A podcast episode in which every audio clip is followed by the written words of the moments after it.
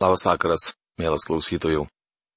Šiandien toliau keliaujame Biblijos puslapiais, esame Naujajame testamente, toliau nagrinėjame laišką Efeziečiams. Jau kurį laiką mes esame antrajame šios knygos skyriuje. Tema yra Bažnyčia yra šventykla, medžiaga šventyklos statybai, statybos būdas, tai mūsų jau trys potėmės išnagrinėtos.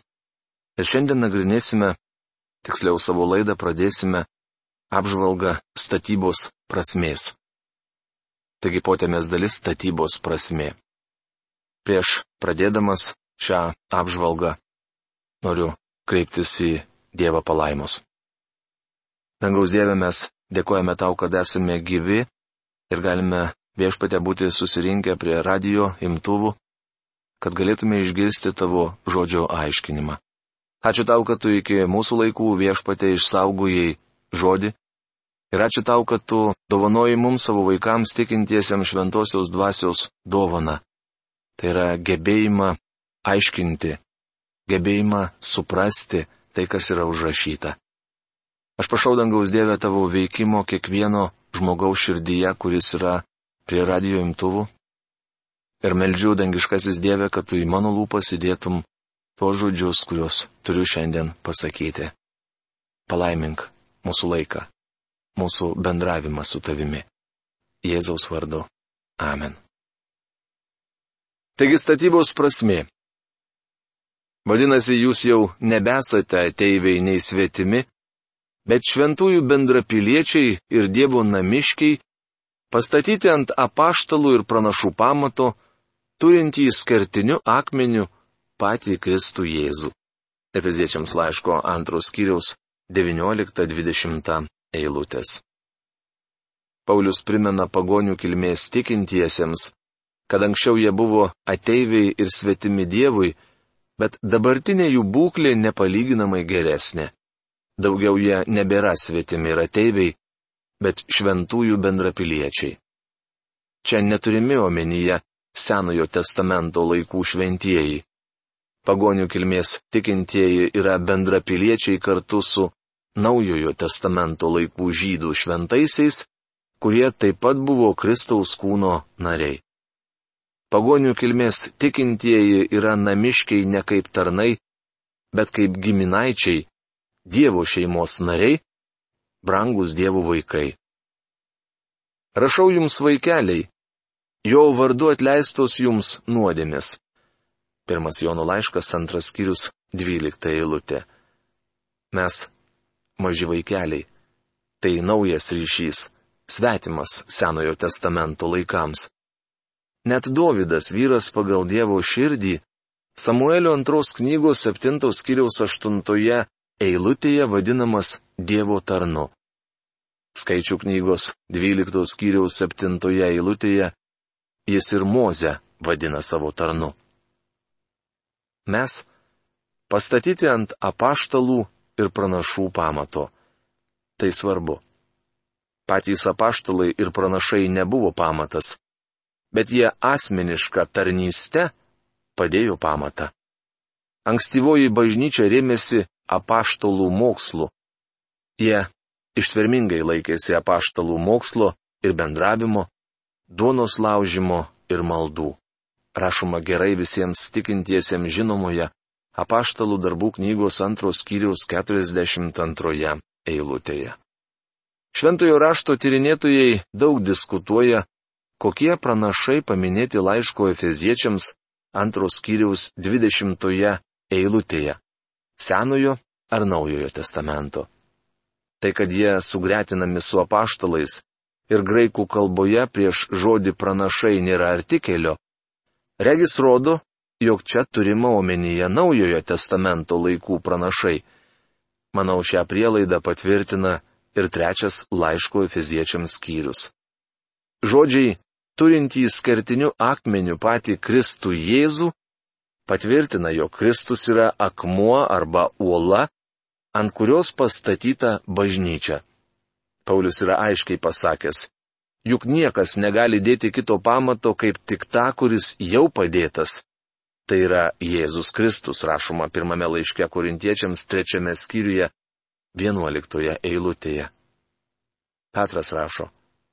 Todėl rašte pasakyta, štai dedus jo nekertinį akmenį, brangų rinktinį akmenį, kas tik jį nebus sugėdintas.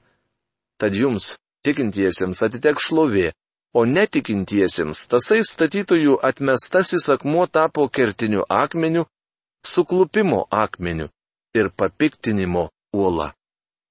Jie suklumpa neklausydami žodžio, tam jie ir skirti, rašoma pirmame Petro laiške antrame skyriuje, šeštoje, aštuntoje eilutėse. Svarbu atkreipti dėmesį, jog anot Petro kertinis akmuo yra viešpats Jėzus. Vadinasi, Petras suprato, ką turėjo omenyje viešpats sakydamas. Ir aš tau sakau, tu esi Petras, uola. Ant tos uolos aš pastatysiu savo bažnyčią ir pragarų vartai jos nenugalės, rašoma, mato Evangelijos 16 skyriaus 18 eilutėje. Mėlyjei, Jėzus kalba apie save. Jis uola, ant kurios pastatyta bažnyčia. Apaštalai ir pranašai padėjo pamatą, o Kristus yra kertinis akmuo, uola. Ant kurio darniai auga visas pastatas, tampantis šventykla viešpatyje, ant kurio ir jūs esate draugės statomi kaip dievų buveinė dvasioje. Efeziečiams laiško antros kiriaus 21-22 eilutės. Čia akivaizdžiai matome analogija su Senojo testamento šventykla. Tačiau atsiskleidžia ir kontrastas. Jeruzalės šventyklą sudarė keletas pastatų. Tačiau nemanau, kad šioje eilutėje Paulius kalba apie juos. Apaštalas sako, kad kiekvienas tikintysis įsilieja į visą statinį. Ta pati turėjo omenyje Petras, kai rašė, jog visi mes esame gyvieji akmenys, besistatydinantys į dvasinius namus. Žiūrėkite pirmą Petro laišką, antrą skyrių penktą eilutę. Paulius vadina bažnyčią statoma šventykla. Tai gana įdomu, mat apaštulo dienomis erodo šventykla buvo nebaigta. Viešpaties dienomis ji jau buvo statoma 40 metų, o 70 metais po Kristaus sunaikinta. Šventykla buvo sunaikinta dar nebaigta. Šiandien bažnyčia vis dar statoma ir ji bus baigta. Auga visas pastatas, tampantis šventykla viešpatyje. Tai patvirtina faktą, jog bažnyčiaus statyba dar nebaigta. Beje, šis statinys skiriasi nuo tų, kurie mūrijami dedant vieną akmenį prie kito. Šventykla, apie kurią kalba Paulius, auga. Dievas ima negyvą medžiagą, mirusią nusikaltimais bei nuodėmimis ir suteikia jai gyvybės. Gyvi, gimė iš naujo akmenys auga, tapdami gyvą šventyklą. Kaip Saliamono šventykla iškilo nesyk, net aukštelėjus kūjų, taip šventoji dvasia tyliai panaudoja kiekvieną mirusį nusidėjėlį gyvosios šventyklos statyboje, jį atgimdydama ir pakrikštydama. Nes viena dvasia mes visi, ar būtume žydai ar graikai, Vergai ir laisvieji buvome pakrikštyti į vieną kūną ir visi buvome pagirdyti vieną dvasę. Rašoma pirmame laiške korintiečiams 12 skyriuje 13 eilutėje. Šventykla yra šventa, nes joje gyvena šventoji dvasia.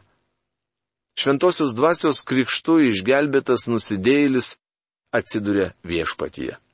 Šventoji dvasia gyvena kiekviename tikinčiajame. Jūs nesate kūniški, bet dvasiški, jei tik Dievo dvasia gyvena jumise. O kas neturi Kristaus dvasios, tas nėra jo. Romiečiams laiško 8 skyriaus 9 eilutė. Bažnyčia, Kristaus kūnas yra Dievo buveinė, nuolatinė jo dvasinė šventykla. Kai tikintieji susirenka pastate garbinti Dievo, tenai būna ir šventoji dvasia. Taigi galima sakyti, kad Dievas yra tame pastate. Tačiau kuomet visi tikintieji išsivaikšto, pastatą palieka ir Dievas. Bažnyčios pastate Dievo yra tiek pat, kiek ir naktinėme bare. Šiandien jis gyvena tikinčiuosiuose, ne pastatuose. Mes jau minėjome, kad Dievas niekada negyveno jokiame rankų darbo statinyje, nors pagoniška filosofija bando jį ten įsprausti. Bažnyčios kaip šventyklos tikslas - atskleisti Dievo artumą ir jo šlovę žemėje. Tikinčiųjų susirinkimas ir mūsų laikais pasauliui turėtų sudaryti įspūdį, kad Dievas yra savo šventykloje. Pasaulis turi jausti, kad bažnyčios tarnavime galime rasti Dievą. Bet ar taip yra? Galbūt į bažnyčią ateitų daugiau žmonių, jei jie jaustų Dievo artumą. Efeziečiams laiškas trečias skyrius. Tema - bažnyčia yra slėpinys, slėpinio paaiškinimas, slėpinio apibūdinimas, malda, kurioje prašoma stiprybės ir pažinimo. Šiuo skyriumi baigiama doktrininė laiško efeziečiams dalis. Skaitydami antrą skyrių sužinojome, kad bažnyčia yra kūnas ir šventykla. Trečiame skyriuje paštalas Paulius rašo, kad bažnyčia yra slėpinys. Iš pradžių leiskite trumpai paaiškinti, ką mes turime omenyje sakydami, jog bažnyčia yra slėpinys. Matote, ši savoka dažnai suprantama klaidingai. Tai nepaslaptis, neslapta informacija ar klausimas, kas tai padarė. Čia slėpinys reiškia tai, kas anksčiau nebuvo apreikšta, bet dabar atskleista. Šiuo atveju tai bažnyčia, apie kurią nebuvo kalbama Senajame testamente. Ji Naujojo testamento apreiškimas. Mofatas žodis slėpinys verčia dieviška paslaptis, o Veimaufas vartoja žodį tiesa. Man patinka žodžių junginys dieviška paslaptis. Dieviška paslaptis buvo kažkas, ko Dievas neatskleidė iki tam tikro laiko. Dabar jis pasirengęs apie tai prabilti. Apibūdindamas slėpinį, pirmame šio laiško skyriuje jau minėjau, kad tai neturi nieko bendro su paslaptimis, kurias savo knygose narpliuoja Agata Kristi ar Konandoilis. Šiandien apie bažnyčios lėpinį paplitusios dvi kraštutinės nuomonės, kurios, pripažinsiu, man sunkiai suprantamos. Viena kraštutinių pažiūrų grupė ignoruoja aišku Pauliaus teiginį, kad bažnyčia nėra Senojo testamento apreiškimas. Jie laiko bažnyčią Izraelio tesiniu. Tai vadinamoji sandoros teologija. Jos šalininkai pasisavina visus Dievo pažadus Izraeliui, taiko juos bažnyčiai. Prieš daugelį metų daktaras Haris Ironsidas parodė man Bibliją, kurią naudojo sandoros teologijos šalininkų grupė. Kai kuriuos Senojo testamento pranašų knygų skyrius jie buvo pavadinę palaiminimai bažnyčiai. Virš kitų skyrių buvo antraštė - prakeikimas Izraeliui. Įdomu, kad bažnyčia pasisavino palaiminimus, bet prakeikimus paliko Izraeliui. Iš tikrųjų ir palaiminimai, ir prakeikimai buvo skirti Izraeliui. Kiti kraštutinių pažiūrų besilaikantys tikintieji pernelyg sureikšmina Pauliaus žodžius, man buvo atskleistas slėpinys ir aš suvokiu Kristaus slėpinį. Jie slėpiniu laiko ypatingą prieiškimą Pauliui. Tai vadinamasis hiperdispensacionalizmas. Iš čia kilo teorija, kad bažnyčia atsirado vėliau, kažkada po sėkminių. Buvo pasiūlytos kelios jos atsiradimo datos kai viena pasirodydavo netinkama, jie prasimanydavo kitą. Toks išskirtinio pažinimo vaikymasis sužadino dvasinę didybę. Leiskit pasakyti, kad bažnyčia nebuvo apreikšta Senajame testamente. O kai laikui atėjus ji buvo apreikšta, apie ją sužinojo ne viena paštalas Paulius. Vienas profesorius, kurio paskaitas lankiau denominacinėme koledže, bažnyčios ištakų bandė ieškoti net Edeno sude. Tačiau bažnyčios Senajame testamente nėra.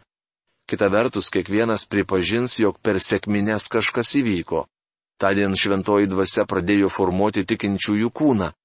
Jis bus formuojamas tol, kol viešpats pasiims bažnyčią iš šio pasaulio.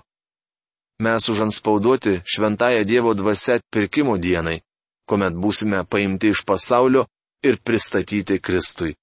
Manau, kad sėkminės labai svarbi diena juk tądien gimė bažnyčia. Slėpinio paaiškinimas. Todėl aš, Paulius, esu Kristaus Jėzaus kalinys dėl jūsų pagonių. Jūs be abejo esate girdėję, kokia malonės tarnyba Dievo man suteikta jūsų labui. Efeziečiams laiško trečios kiriaus pirmą antrą eilutės. Paulius apibūdina save kaip kalinį. Jis tapo kaliniu, nes nešė pagonims Evangeliją. Dabar pagonims suteikiamos naujos privilegijos, kurias apaštalas išvardijo antrame skyriuje. Tie, kurie buvo tolimi, svetimi, be vilties ir be Dievo, dabar yra tapę artimi dėliai Kristaus. Todėl Paulius melsis už juos. Tačiau prieš pereidamas prie maldos jis nukreipia kalbą, prabildamas apie slėpinį. Nuo 14 eilutės Paulius prates nutrauktą mintį. Atkreipkite dėmesį į minties plėtrą. Todėl aš, Paulius, Kristaus Jėzaus kalinys dėl jūsų pagonių, klaupiuosi prieš tėvą. Atkarpa nuo pirmos iki keturioliktos eilutės yra kaip ekskursas į šalį. Prieš pereidamas prie maldos Paulius nori tarti keli žodžius apie slėpinį. Ekskursas apie slėpinį pradedamas jungtuku jai. Antra eilutė. Apaštalas numano, kad efeziečiai yra girdėję, kokia malonės tarnyba Dievo jam suteikta pagonių labui.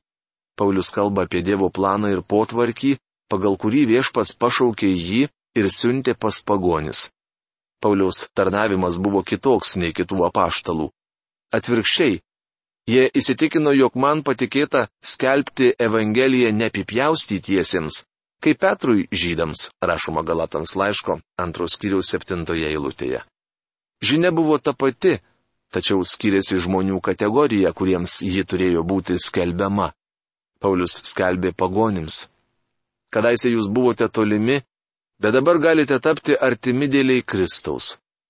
Petras ėjo pas savuosius, tai yra izraelitus, ir kalbėjo jiems. Neduota žmonėms po dangumi kito vardo, kuriuo galėtume būti išgelbėti, tai prašoma paštalų darbų knygos ketvirtos kiriaus dvyliktoje eilutėje. Petras ir Paulius skelbė tą pačią žinę, tik skirtingoms žmonių grupėms. Dabar vyksta kažkas nauja. Mes gyvename kitais laikais negu Senojo testamento tikintieji. Būdamas įstatymui pavaldus fariziejus Paulius nepamokslavo pagonims. Dabar prasidėjus naujiems laikams, Paulius tampa pagonių misionieriumi. Tai nereiškia, kad pasikeitė Dievo išgelbėjimo metodas. Jok žmogus nebuvo išgelbėtas dėl to, kad laikėsi įstatymo. Supratęs, kad stokoja Dievo garbės, Senojo testamento laikų nusidėjėlis atnašaudavo krūviną auką, kurį nurodė į Kristų. Dabar Paulius prabils apie naująją tarnystę. Apreiškimu buvo man atskleistas liepinys, kaip aš ką tik esu trumpai aprašęs. Skaitydami galite įsitikinti, kad aš suvokiu Kristaus liepinį. Efeziečiams laiško trečios kiriaus trečia, ketvirta eilutės. Trumpam staptelėkime prie žodžio apreiškimas. Kadangi Paulius sako, jog jam buvo atskleistas liepinys, hiperdispensionalistai galvoja, kad jis vienintelis jį žinojo. Tačiau penktoje eilutėje Paulius aiškiai sako, kad šį slėpinį žinojo visi apaštalai. Šio apreiškimo pradžia buvo Pauliaus atsivertimas, kuomet Kristus pranešė jam, jog persekiodamas bažnyčią, jis persekioja Kristų. Bažnyčia yra Kristaus kūnas. Paulius suprato, kad Dievas daro kažką naują. Bažnyčia gimė sėkminių dieną. Dar sėki kartoju, kad slėpinys, dieviška paslaptis buvo tai, kas nebuvo atskleista Senajame testamente ir dėl to žmogui nežinoma. Dabar tai atskleidžiama Naujajame testamente. Žodis slėpinys Naujajame testamente pavartotas 27 kartus ir taikytinas maždaug vienuolikai skirtingų slėpinių. Regis Paulius nori parodyti kontrastą tarp bažnyčios slėpinio ir graikų romėnų pasaulio religijų. Į savo knygą Tyriame laišką Efeziečiams įtraukiau ir tezę apie slaptas religijas, kurias studijavau seminarijoje. Anomis dienomis tokių religijų buvo apstu. Šiuose slaptose ložėse buvo atliekami sadistiniai ritualai. Jų nariams buvo draudžiama atskleisti šių religijų slėpinius. Graikams slėpinys buvo kulto nariui atskleista paslaptis, o ne kas nors paslėpta ir nesuprantama. Eiliniam žmogui, nepriklausiusiam slaptai religijai, šie slėpiniai buvo nežinomi. Dabar Dievo slėpiniai turi būti skelbiami visiems. Paulius sako, vargas man, jei neskelbčiau Evangelijos. Šiandien ir mes esame Dievo slėpinių prievaizdai. Evangelija neturi būti slepiama, ją reikia skelbti nuo stogų. Paulius jau anksčiau Šiame laiške vartojo žodį slėpinys. Pirmos kiriaus devintoje eilutėje jis sakė, paskelbdamas mums savo valios slėpinį. Laiško Efeziečiams antros kiriaus 14-15 eilutėse apaštalas paaiškina, kas yra slėpinys.